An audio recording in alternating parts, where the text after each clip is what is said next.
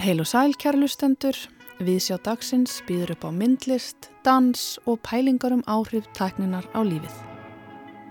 Þann 18. november síðastliðin var útlutað úr styrtarsjóði Svavars Guðnasonar og Ástu Eiríksdóttur og þessu sinni fjall styrkurinn í skaut Melanie Ubaldo. Verkmælani eru sjálfsæfisöguleg og varpa meðal annars ljósa á heim Íslandinga af erlendum uppruna á fordóma, misrétti og hatursorðræðu. Melanie saði mér til að mynda í spjalli okkar sem fór fram á vinnustofu hennar í listaháskólanum að svo staðurind að hún sé brún Íslandingur ger það verkum að sá einfaldi verknaður að opna útidarahurðina og ganga út fel í sér einhvers konar pólitík. Heyrum að verkum og lífi Melanie og Baldo hér á eftir. Reykjavík Dansfestival fór fram í liðinni viku og glattu okkur með fjölbreyttum verkum. Við fengum að heyra af nokkrum þeirra frá Snæbyrni Brynjasinni í gær og í dag fáum við að heyra í nýjum gaggrínanda okkar hér í Vísjá, Nínu Hjálmarsdóttur. Nína fjallar í dag um tvö verk af hátíðinni, When the Bleeding Stops eða Þegar blæðingin stöðvast eftir Lovisu Ósk Gunnarsdóttur og Dance If You Want to Enter My Country eftir Michikatsu Matsune.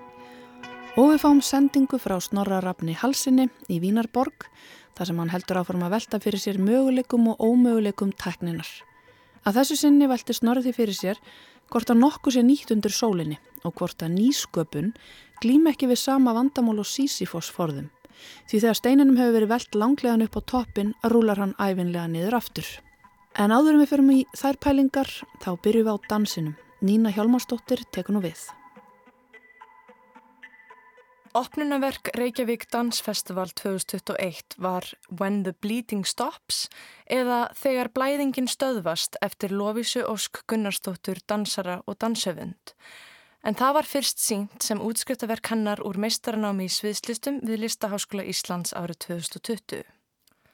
Lovisa leiðir áhörundur inn í nittna og viðburðaríka frásögn um eigið líf frá barnesku til 50 aldurs, þar sem hún dansaði í 16 ár með íslenska dansfloknum. Það fer ekki á milli mála að dans hefur alltaf spilað stóra rullu í lífi Lovisu og vekur frásögnin upp spurningar um þá skuldbindingu og hotlustu sem sviðsljósið krefst af dansurum. Fyrir tveimur árum slasaði Slovisa og þegar læknirinn hennar grunaði ranglega að hún var í byrjuð á breytingarskeiðinu uppgutaði hún hversu mikil skömm fylgir þessu óumflíjanlega tímabili í lífi allra kvenna. Hún ákvað að þegar sá tími kæmi í hennar eigin lífi skildi hún vera undirbúin. Á sama tíma byrjaði hún að stunda daglega rútinu sem fólst í því að dansa í stofunni heima hjá sér á hverjum degi Því dans hafði hingað til ávalt verið hennar leið til að vinna úr tilfinningum sínum. Sú heimsaga sem við lesum í grunnskóla var skrifið af þeim og út frá sjónarhornin þeirra sem hafa haft völdin til að skrásetja söguna í gegnum tíman. Þar af leiðandi er sagan ekki hlutlaus og stór hluti hennar er horfin að eilifu. Hins vegar eru til annars konar heimildir sem eru augljósar þeim sem líta dýbra heimildir sem gætu til dæmis lifað í líkamannum. Saga kvenna er varðveitt í hefðum sem erfast eins og vefnaði eða eldamennsku. Sögur, hvæði, rýmur, söngvar og reyfingar erfast á milli líkama, á milli kynnslóða og eru kannski alveg jafn áreðanlegar heimildir og saga sögð út frá sjónarhortni hins ráðandi innan hvers samfélags. Þannig dvelur sagan í líkamannum. Þegar Lovisa byrjaði að dansa í stofinu sinni eftir slísið, þó svo að hún gæti ekki hreift höfuðið nýja mjadmyndnar, þá stilti hún á einhverja rás innra með sér. Dansinn tengdi hana við alla söguna, alla danssöguna sem býr í líkams minninu hennar.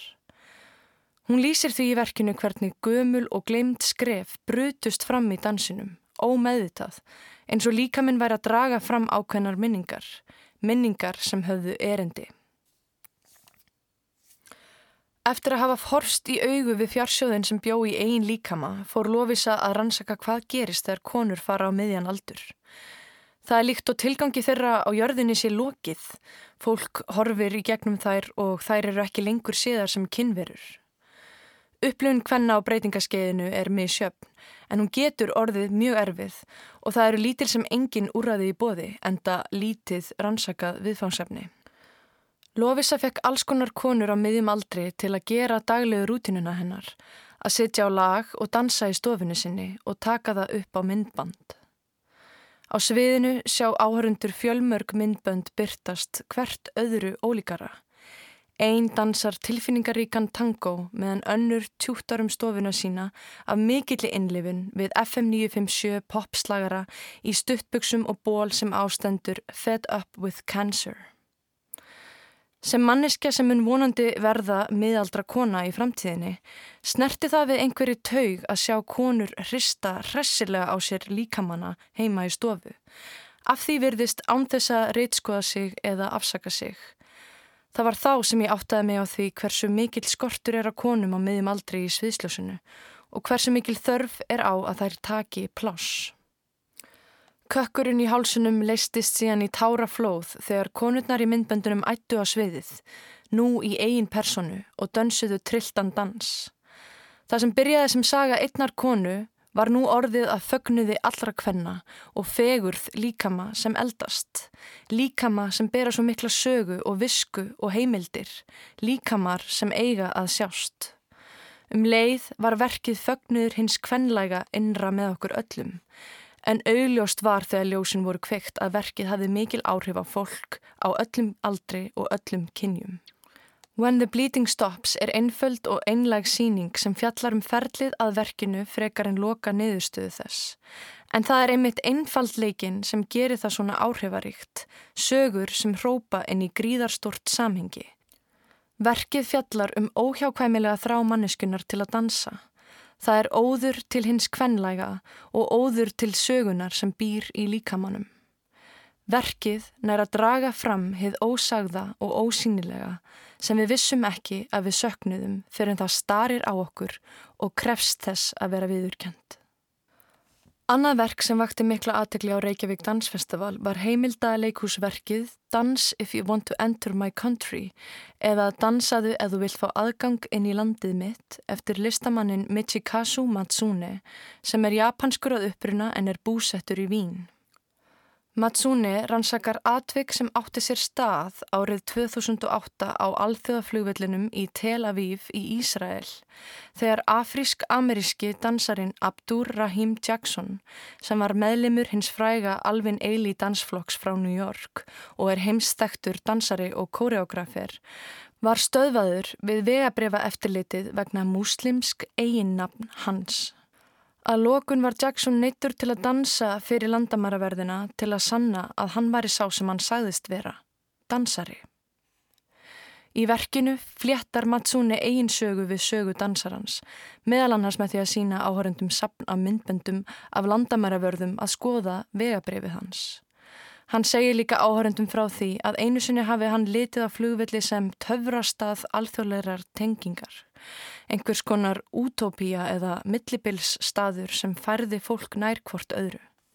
Matsune segir áhörendum frá uppruna Alvin Eili dansflokksins í New York borg sem var stopnaður á sjötta áratögnum af svörtu fólki sem á þeim tíma þurfti að sitja aftast í strætó vegna aðskilnaðarstefnu bandaríkjana en flokkurinn fekk sitt fyrsta húsnaði frá félagstofnun bandarískra gýðinga. Matsune dansar brot úr verkinu Revelations eftir Alvin Ailey sem var flutt í Tel Aviv árið 2008 af Jackson og félagum eftir að hann sannaði að hann var í dansari en verkið hefur sterka tilvísun í menningu svartra og þrælahaldið í bandaríkjunum. Þó svo að Matsuni myndist aldrei á Palestínu er landið yfirvofandi í verkinu og auðvilt að minnast þess hvernig sagan á það til að endurtaka sig. Matsuni talar beint við salin alla síninguna. Hann er hlílegur og sallarólegur í viðmóti. Honum tekst þannig að skapa djúsi samband við áhörendur að mann finnst eins og allt geti gerst. Þó að andrúsloftið létti stundum vegna þess hver náttúrulega fyndin Matsune er, þá skinnjar mann alltaf mikla sorg undir yfirborðinu. Með verk sem fjallar um jafn alvarleg mál og landamæri, kynþáttahyggju og eftirlit, þá er erfitt að líða þægilega og gleima forrættundum sínum. Sterkasta sena verksins er þegar Matsune tekur upp litla stafræna myndavél og beinir henni að áhörundum og um leið erum við neitt til að performera því við erum undir eftirliti, rétt eins og Jackson þurfti að dansa til að sanna að hann væri ekki hriðiverkamaður.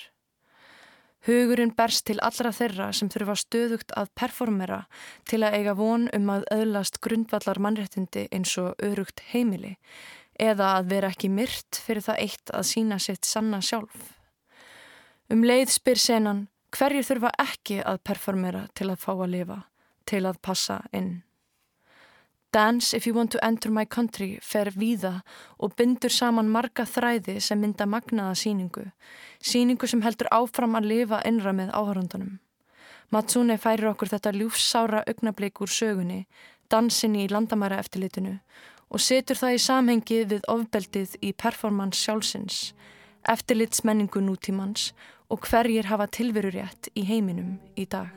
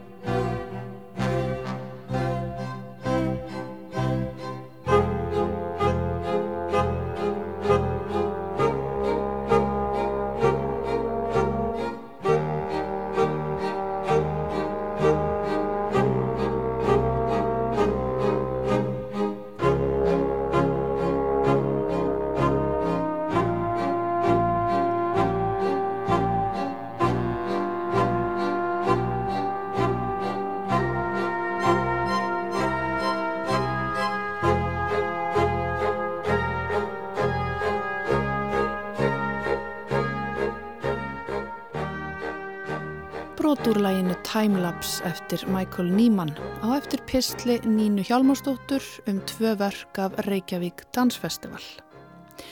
En uh, þá tekur við sending frá Vínarborg. Snorri Rafn Halsson, dagskragerðamæður og textasmiður heldur áfram pislaruð sinni um möguleika og ómöguleika tækninar. Snorri veltiði fyrir sér í dag hvað sé svona nýtt við alla nýjungarnar sem umkringi okkur og hvort eitthvað geti í raun og veru verið nýtt.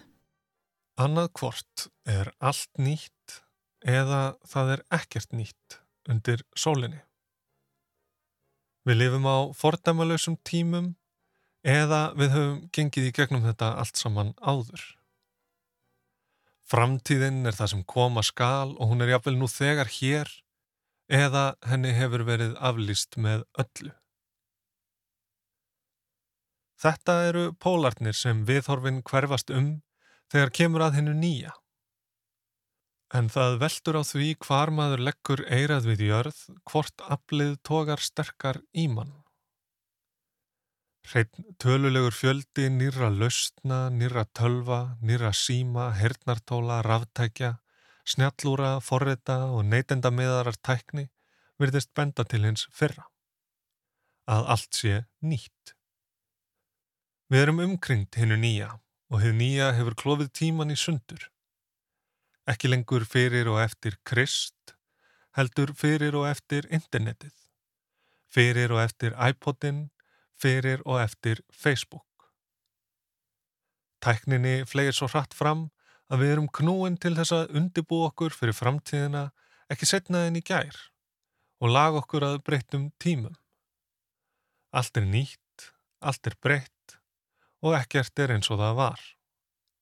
Hitt gamla er úrreld, úr sér gengið á ekki lengur við og á leiðinni út.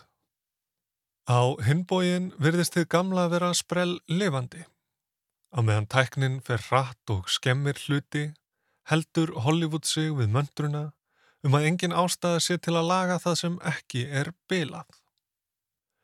Vinsalustu fyrirbærin sem byrtast okkur á silfurskjánum eru ótal framhaldsmyndir með sömu personum í sama heimi og endurgerðir af kvikmyndum sem allir hafa nú þegar séð miljón sinnum.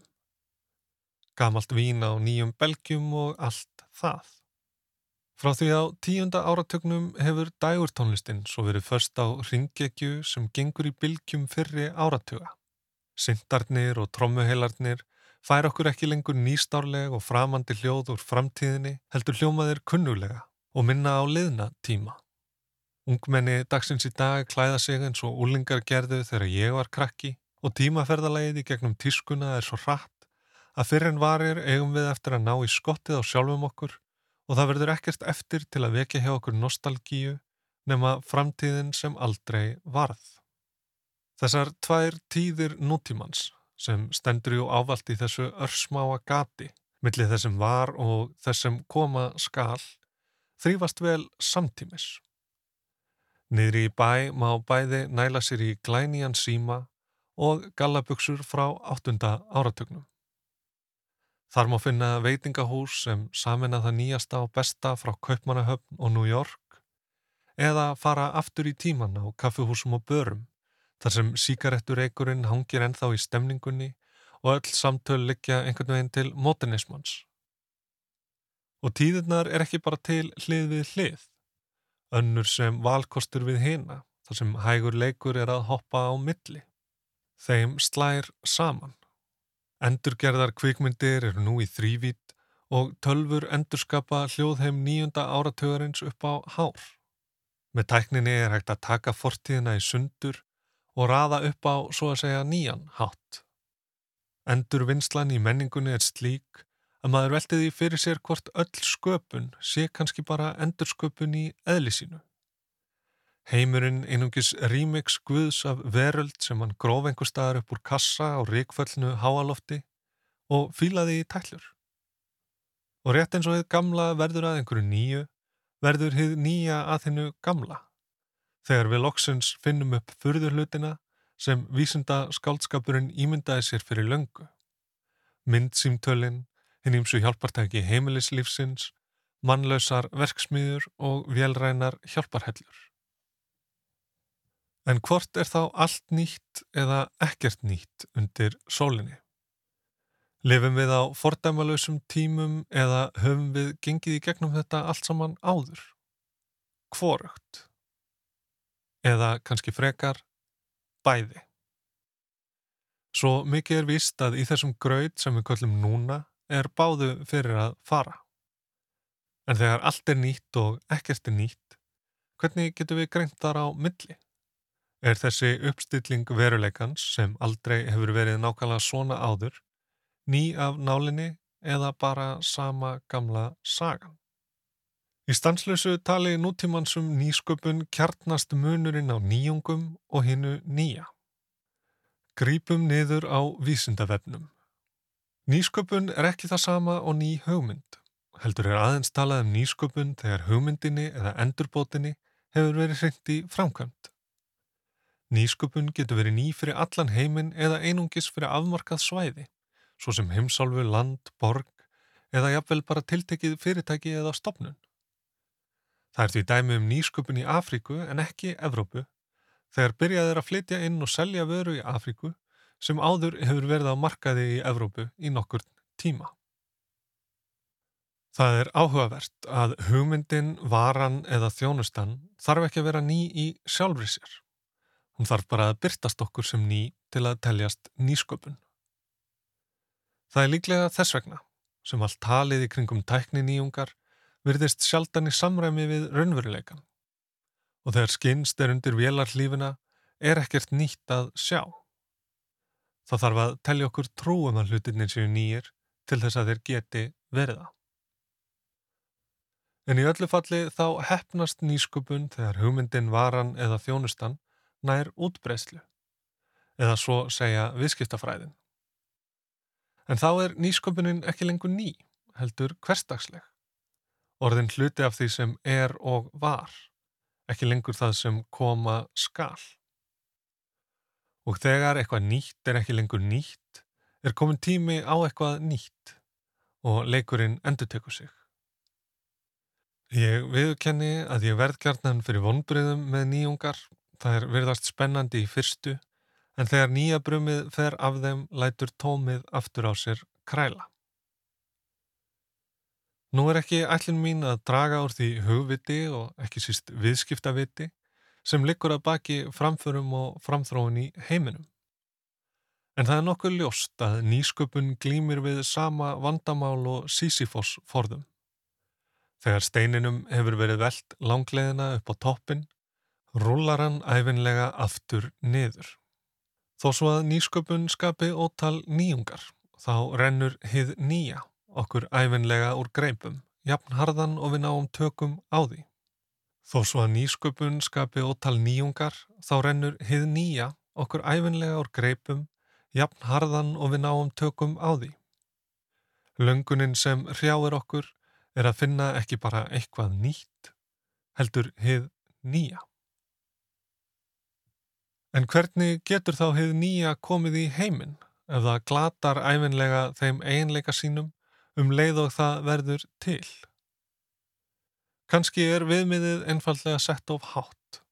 Ef við nýja þarf einhvern veginn að koma að handan, brjótast inn í þennan heim án nokkurs fordæmis eða fyrirvara. Nei, þannig gerast hlutinir ekki, ekkert verður vist af engu. Og það er eitthvað til í þeirri hugmynd að það sé ekkert nýtt undir sólinni og að sköpun sé ávalt endursköpun. Hið nýja er þetta tóm sem við finnum fyrir þegar hlutirnir hætta að vera spennandi. Án þessa gats í veruleikanum hefðum við ekkert til að fylla upp í með nýjungum. Nýjungum sem vekja með okkur von en standa aldrei undir nafni. Þessi möguleiki á að finna hið nýja, sem er þó aldrei möguleiki, er það sem drýfur okkur áfram greinir litlausa óbreytta veröld frá heimi sem við endursköpum á hverju augnabliki.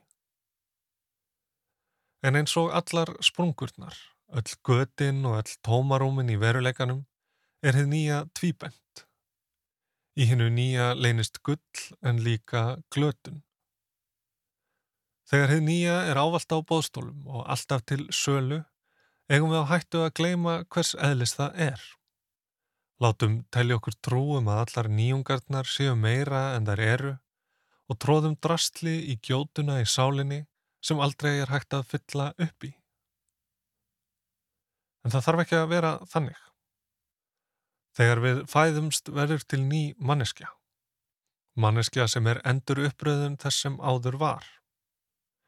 Skilirt af efnisleika okkar og aðstæðum berum við einhvað síður fræ hins nýja innramið okkur erum færum að koma auga á það sem í örskot stund er raunverulega nýtt áður en að verður gamalt og endurskapa það sem er þess virði að endurskapa. Við erum meira en bara endurgerð og getum rýmiksað heiminn þannig að hann hljómi jafnvel betur en orginallin. Og sá hljómur er ekki kliðurinn í frumkvöðlunum og tekni frumöðunum liklaborðunum, skilabóðunum, ringitónunum og tölvupostinum heldur eitthvað allt annað og miklu betra. Þetta er svo sem ekkert nýtt en það er það samt.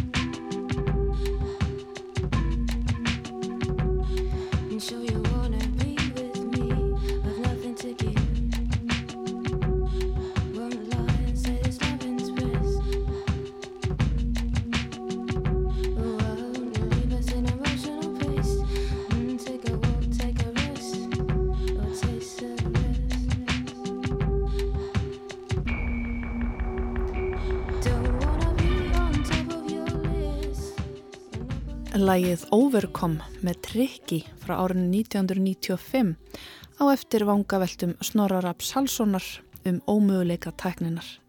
Viðegandi lagaval hjá Snorra þar sem að lægið saminari mitt bæði hið nýja og hið gamla. Trip-hoppið var algjörlega nýr stíl þegar það kom fram en sem byggði þetta á gömlum grunni.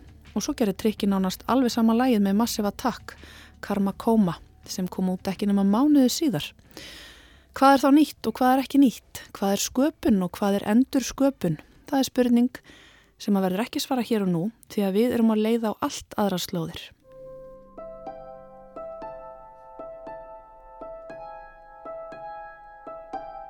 What are you doing in Iceland with your face? Er einhver Íslandingur að vinna hér? Grjón Hér erðu við Melanie Ubaldo að lesa setningar úr skissubókinu sinni. Setningar sem hafa orðið á vegi hennar í gegnum lífið og sem nú hafa öðlast annað líf sem hluti af myndlistaverkum hennar. Þann 18. november síðastliðin var útlitað í tóltaskiptið úr styrtarsjóði Svavar Skuðnarssonar og Ástu Eiríksdóttur. Útlitaður á sjónum á tveggjára fresti og að þessu sinni hlaut Melanie Ubaldo styrkin. Melanie fættist árið 1992 á Filipsegjum og býr og starfar í Reykjavík. Hún hefur haldið nokkrar engasýningar hér á landi og tekið þátt í hópsýningum bæði hérlendis og erlendis og hún er einnig einn stopnenda Lucky 3 listahópsins sem að samastendur af íslensku myndlistarmönnum af filipiskum uppruna. Verkmælani eru sjálfsæfisöguleg og varpa ljósi á heim Íslandinga af erlendum uppruna, á fordóma, misrétti og haturs orðræðu. En einnig á kvennamenningu uppeldi, tengsl, heimili og minningar. Verkin eru gaggrininn og beinskeitt en um leið finleg og viðkvæm. Melanie er að klára mistaraprófi Listaháskóla Íslands og ég hitti hana á vinnustofunni þar sem hún var að vinna í nýju tekstaverki og málverki sem hún byggir upp úr samsettum efnisbútum úr dánarbúi ömmu kærastasins. Ég fætti sem sagt út á Feilipsum 1992 sko, ná, já stödd í þrítug sko. Ég feg bara á næst ári, uh -huh. þannig pressan er mikil. En já, núna er, er ég með að klára bara mastersnámi í myndlis í LHI Þú ert að gera nokkra hluti í einu hérna á vinnustónu við sitjum hérna upp í listafaskóla þar sem þú ert með aðstöðu. Mjög fallegt vinnuhott með hérna útsinni yfir fjöllin. Já, heppin eða Segð mér, hvað, í hver er þetta að vinna núna? Sko, þetta er allt svona, hvað þetta er, ráir, strígar eða svona efnisbútum sem er ekki búin að mála neitt á og mér finnst það bara nú þegar allt og falleg að ég vil reyndar ekki mála neitt á það, alltaf ég veit ekki ennþá mm. en eins og er ég, ég elska að leta palitunni og allt þetta efnisbútum eru reyndar frá úr dánabúi á ömmu kærista minns og þannig að það er og ég er að sögma þessu saman og þetta mun enda ég er að pæla annarkvært hvort þetta mun byrta sen í masters enga síningunni minni sem er núna í februar eða hvort þetta fer sen bara í fyrir hópsíningunni sem ég er að parta af fyrir listahátiðinni mm -hmm. í somar en pælingin er sem sagt að sauma saman hús eða svona, já, einmitt hús. Og húsið sem er fyrirmyndin í þessu, þessu skipti er sem sagt æsku heimilið mitt á Felipsum fyrir ákveðum tímapunkti, já, eitt ár þá byggum við sem sagt í þessu úrlítið hús sem var bara basically eins og skúr eða auðvarskoð þetta var bara mjög lítið og við vorum við, við vorum fimmanna fjórskilda í þessu já, já, við vorum ennþá yngri en já þannig ég er ég mann svo lítið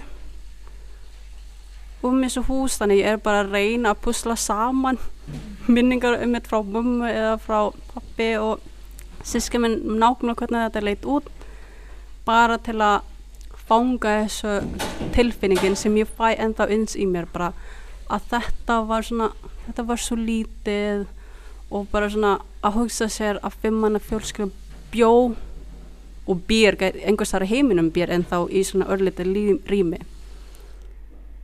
Er, já bara smá sorgleg en já, bara svona minningar. Þannig þetta er basic svona tvennskona verk, bæði ég að sauma saman það sem eru eftir er frá ömmu og kærisi minni og þessi minningar um og æsku heimilu mitt. Þannig að ég veit eitthvað, já það er eitthvað ljóðarænt í gangi Þetta er eitthvað mjög fallegt textaverk hérna á borðinu. Já. Sko þetta er sem sagt svona embossing tekník eins og að vera með svona upplift letur eins og til dæmis á stimplun en eitthvað þannig þannig maður sem sagt prentar fyrst á svona glæran pappir svona textan sem maður allar séðan að setja í svo vel og það verður sem sagt séðan hvað heitir þetta, exposed í ákveðin tíma. Já fyrir þetta er svona film, nei þetta er svona plötu sem er svona light sensitive. Mm -hmm. og svo er bursti sem vel sem lyfti sann restina það sem textan er. Og sann ertu með þetta plötu tilbúin og fer sem bara með blað á því. Með blöytan pappir helst þannig að það verður meira svona áferð. Þetta er svona fallegur þykkur pappir. já og sann maður pressur honum bara og þá byrsti sann hvað er þetta, texta Já. og núna, og svo þetta hætti að vera með litateksta á, nei svona litapappir eða eitthvað á plötunni sjálfa þannig að þetta vera einhvers konar lit en núna er ég smá svona minimal í mér Já. svona minimal punki í gangi núna með að veð hvað ég er búin að vera að vinna sko. Nákvæmlega. Þetta Þannig. er sérst alveg hvítt og maður sér uppleift orðin og þetta eru Já. dýr.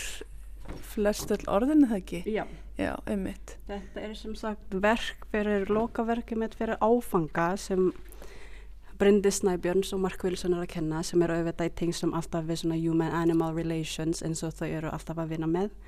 Og ég er bara sem sagt að reyna að tengja sig svo með mínum eigin praktísuna líka. Þannig að ég er ekki, já. Og þetta er eiginlega bara svona að nota orðum neð svona zoomorphic slurs svona eitthvað svona hvernig var íslenska þýðingin á það þannig að kalla einhver bitch eða a leech eða cockroach eitthvað þannig, eitthvað svona neikvæðir orða Já, þú blandar inn í þessu svona neikvæðum orðasambandum orðum sem að dýr sem hafa verið notuð yfir fólk. Já. Einmitt. til að niðurlæga fólk eða bara, Einmitt. já bara svona já mjög brútal og mjög unhumane svona þetta er svona algengt fyrir genocides að til dæmis, ég veit það er svo lé- lélega að tala um það til dæmis er Rwanda Þjóðarmorð. þjóðarmorg Já. til dæmis er Rwanda eða hvað, það var þessi svona rhetoric í gangi að kalla fólk vermin eða pest og þá var strax hægt að útrýma því eða eitthvað þannig, ég vil í Já, þannig að orðræðan verður til þess að fólk verður svona, Já. það verður afmennska fólk með því að orðum. nota Já. þessu orðum sem er þá tengs við dýrum Mhm. þannig að um leið og maður er sett í þessu flokki þá ertu bara Einmitt.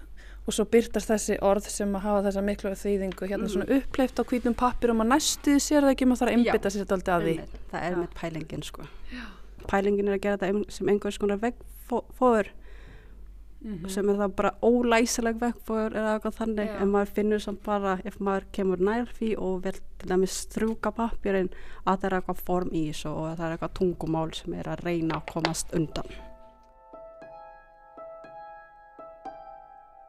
Sko þessum textum sem ég nota alltaf í mínu verki sem byrtast svo, já, ég með í þessum verkum eru alltaf svona sjálfsæfisögulegt þetta eru með setningar sem fólk já, bara svona, já, setningar í miðju samtali þar sem fólk segir við mig og mig.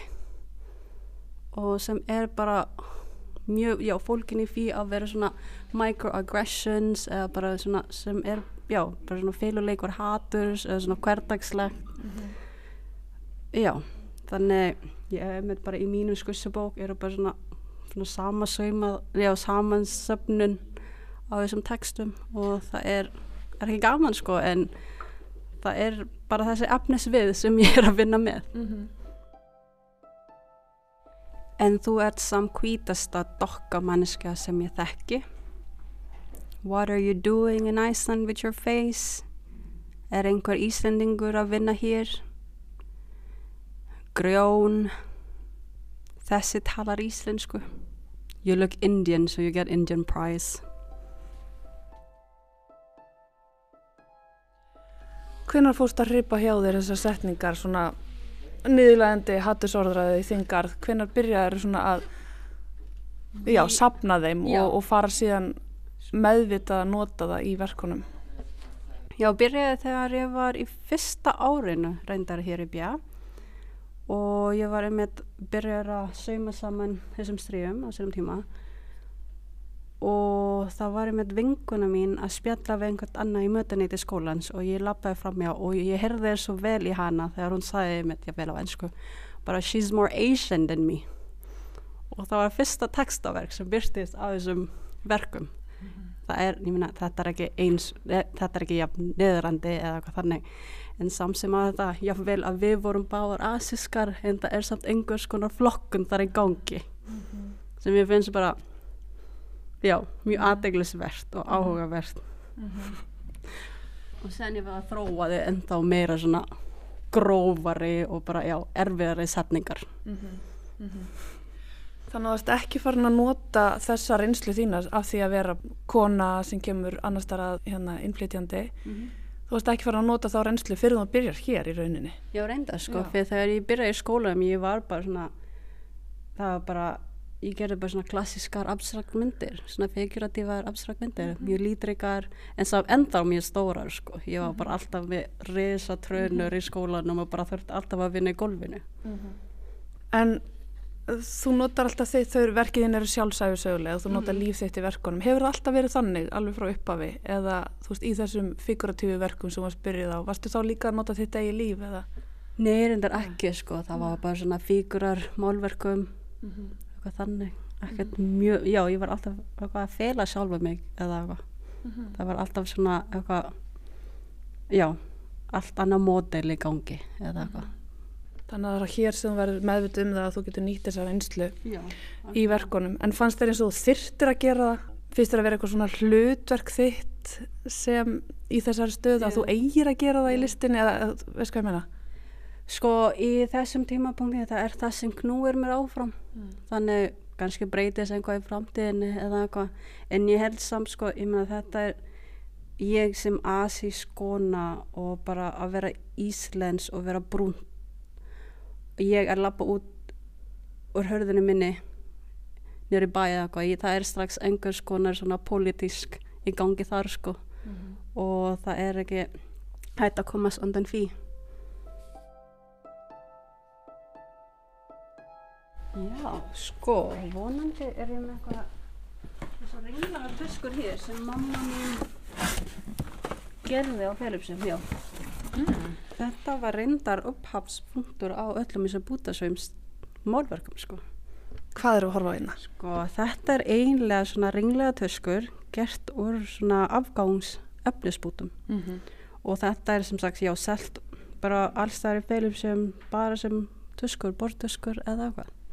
En ég, já, ég man svo vel bara allt einu myndi ég bara mamma mín var í þessu. Hún var bara að vinna fyrir einhverjum, nei, fyrir já, flestar konur einmitt í, í, í þorpina sem við byggum voru bara að gera þessu hér og þar og bara seldi þetta. Bara til að hafa auka tekjur, sko. Og já, þetta bara, finn, og líka þetta bara allt og falleg, sko. Maður, Þetta er alveg fallegustu tuskur sem ég hef séð. það Þetta er bara eins og listaverk, tuskur, alveg Ég einar veit. sér sko. það er alveg öðrulega. Þannig að þetta er ansið marglað. Þetta er bæði hefðin Já. frá rótunum Mm og svo það sem að þú upplifir hér eftir að hafa búið hér. Já. Og líka bara þessi, ég segi alltaf bara að það er svo málverk við þetta er stríi, já, mismenni stríi butum, eða eitthvað þannig.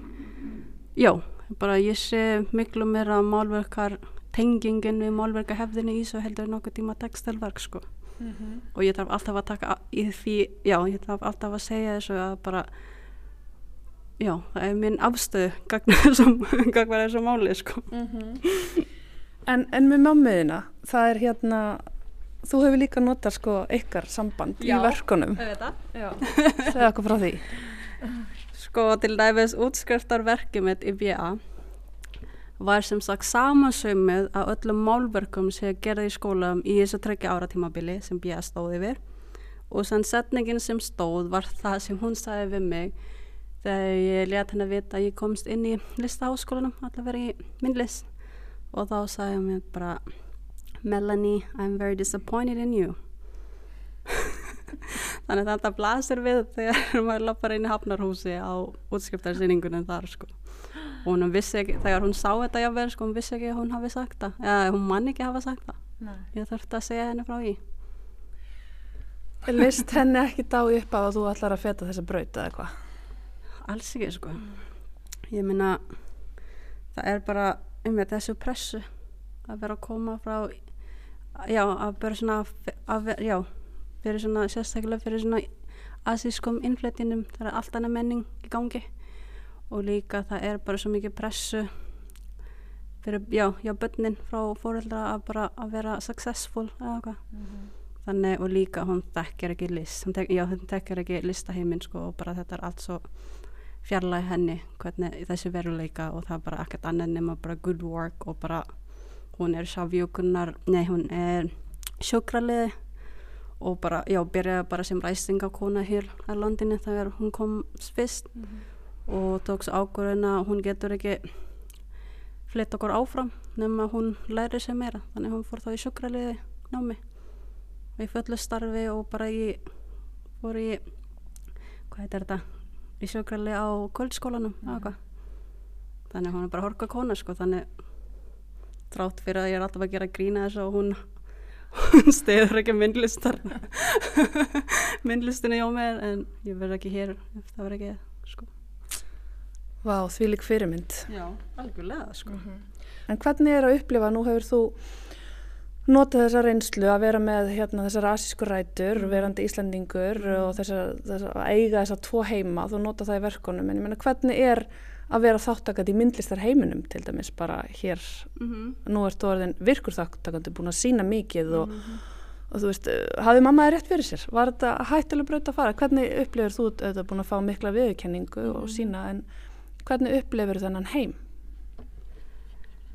Ég minna, ég held að ég sé svona ég er að, mér ler eins og ég sé bara vel velkominn eins og heim núna. Og en það hefur alltaf ekki verið þannig. Það tók, já. En samsæði ég er bara mjög fegin til dæmis með Kling og Bang fyrir að omlega ég útskæðis fyrsta seiningin minn var ég á Kling og Bang og allt það og núna er ég með á stjórn í Kling og Bang líka þannig og líka þau gaf okkur fyrsta Lucky 3 síningunni var líka í gegnum Kling og Bang þannig mm -hmm. ég hef það er bara burt sér frá þessu stórum lista hvað heitir þetta, institutions er á landinu, mm. það er einlega grassrótinum sem heldur þessu áfram og gangandi mm -hmm. þar byrjar allt þar sko, mun ég segja ekki hjá stofnununum nei, við miður mm -hmm. þar tekur mörg ár, ár þar sko segð mér frá Lucky 3 hópnum -hmm. sko Lucky 3 samanstendu af mér, Dirfinu Benita Basalan og Darren Mark við kynntum sem sagt í fjölbröðarskólinni í Breiðholti, ég minn listarbröðinu þar og við hefum sem bara, bara búin að vera góðar vinnir og það var ekki fyrir en fyrir nokkrum árum þar sem við vorum alltaf bara búin að vera grínast að gera eitthvað almenleg saman mm. En það var ekki fyrir en já við ákvæmum reynda bara að senda proposal út um allan bæ og með kling og bang sagði já og bara já Og þið notið þannig reynslu heim ykkar verandi öll þrjú mm -hmm. af hérna, fylbiskum uppruna mm -hmm. þið notið það í verkunum yeah, ykkar yeah. þið voru með þarna Lucky Me mm -hmm. kling, með Kling og Bang og svo núna á hérna Sequence-háttiðinni, viltu kannski segja okkur aðstöð frá því verki bara?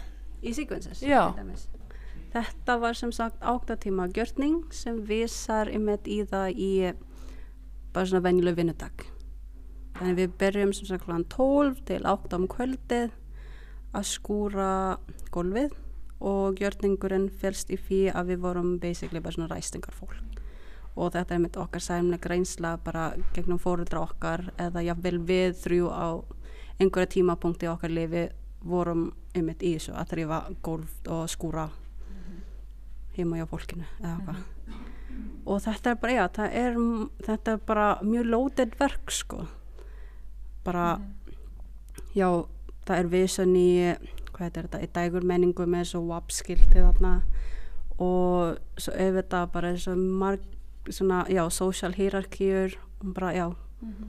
Og pote er sem sagt filipsinska orði fyrir hvít eða hvítleika. Þannig að þetta var sem sagt það var, það var orð sem við munum sem við vorum sem bara endurtaka nokkra skipti bara í þessu áttatíma já, það er svona já, Þetta er vakti mjög miklu aðtiklega þessi gjörningur Mhm. en það bara ótrúlega sterkur og alveg líka bara nýtt sjónarhótt í myndlist á Íslandi. já, já. við vorum einmitt samal um það að bara þetta er eitthvað svona þetta reyndar ekki mjög íslensk verk mun ég segja ekki, já Alveg nýjarattir, nýtt verk, það er alveg satt. Hvenær ákast þá vildi vera listamæður? Ú, ég var í MH þegar ég ákvaði að vera myndlistamæður. Nei, ég veit ekki hvað ég ákvaði að vera myndlistamæður en ég var, ég var í EB nám í MH og svo eftir öðru árið þar þá ákvaði ég bara, ég vildi frekar að vera bara í myndlistabröytinu og náttúrulega bara skapa eitthvað. Ég, það, ég gæti verið að það var þar þar sem ég ákvaði að vera myndlistamæður. En ég þurfti samt enda að semja við mömmu minni, sko, ég var bæði í myndlistabraut og náttúrufræðibraut bara til að hún myndi segja já við að færa mig yfir annan skóli.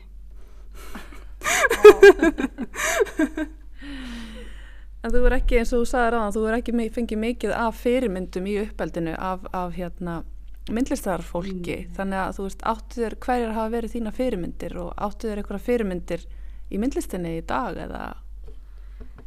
Í myndlistinni í dag, sko annars er ég bara kringum mjög svona inspirandi fólk. Og líka að vera bara í þessu rými hér er, já, er nú þegar bara ég það sko, annars svona list, nei myndlistar hetjur hjá mér er bara í byrjun var þetta bara þessi risar kallmenn í abstrakt expressionismi þegar ég var enda á að mála. Gæti við það, þess vegna er alltaf að gera eitthvað stort því ég var bara alltaf að visa í Rothko og Pollock eða eitthvað. En núna bara, já Kristó er reyndar Kristó og Jean-Claude Jónin er, reyndar mega svona stjórnur fyrir mér, bara ég mun einhver tíma. Já það er bara fyrir, monu, fyrir þessum monumental verkum sko, þau eru algjör í upphaldi og algjör hetjur á mér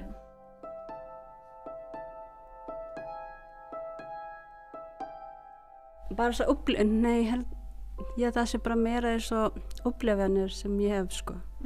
Fyrir eins lengi og eins lengi og fólk segir þetta við mig þá er þetta strax efni verum fyrir næsta verki á mér þannig að ákveðin tímapunkti ef fólk hættir að vera lélegur við mig þá kannski hætti ég að gera þessu verkum sko. Hérna, þú nærði að vera með einmitt, sko, halda húmórnum alltaf á lofti þrátt fyrir Já. mjög alvarlegan mjög alvarlegan undirtón í verkunniðinum finnst þér það mikilvægt að halda í, í gleðina? Auðvitað sko. Við, maður getur ekki að teki maður á ekki að taka myndlist alva, svo alvarlega sko. Það, það er margt al, já það er margt meir alvarlegri en myndlist í heiminum. Heimurum brennur og það eru með, eru með þessi dilemma sem við oh my god, ég er nýbúin að skila inn mastersritgerina og ég var bara mjög tómt og var bara þunglind eftir að ég skrifaði seinasta orðin sko, fyrir seinasta kaplan fór í það og bara þessi privilege sem maður hefur að vera myndlistamæður til hvers er ég að gera ein enn nýja verk og til hvers er þessu allt saman? Það er svo mikið forréttindastöðu að taka þessu ágörn að vera myndlistamann og ummitt bara það er það er jáfnvel mest selfish þing að gera finnst mér en samt sem að það er svo gefandi fyrir mann að vera að skapa. En ég það ég þrátt fyrir allt sko það er þessi frelsi og fegurð sem fylgst í því sem ég er bara það sé bara tilgangurinn minn. Fyrir allt saman sko fyrir ég það ef það var ekki neitt von í neinum þá þá verður þetta dagurinn þar sem ég hætti að skapa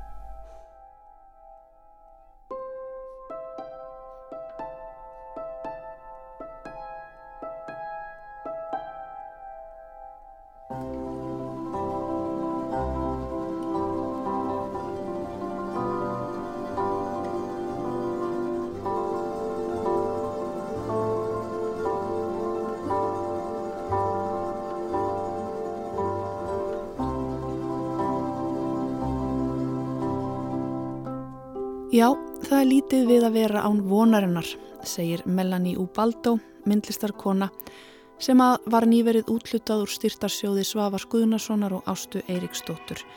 Við sjá Óskar Melanie til hamingi með styrkin, það verður áhugavert að fylgjast áfram með hennar störfum. Og hér líkur þættunum í dag. Takk fyrir að hlusta og verið sæl.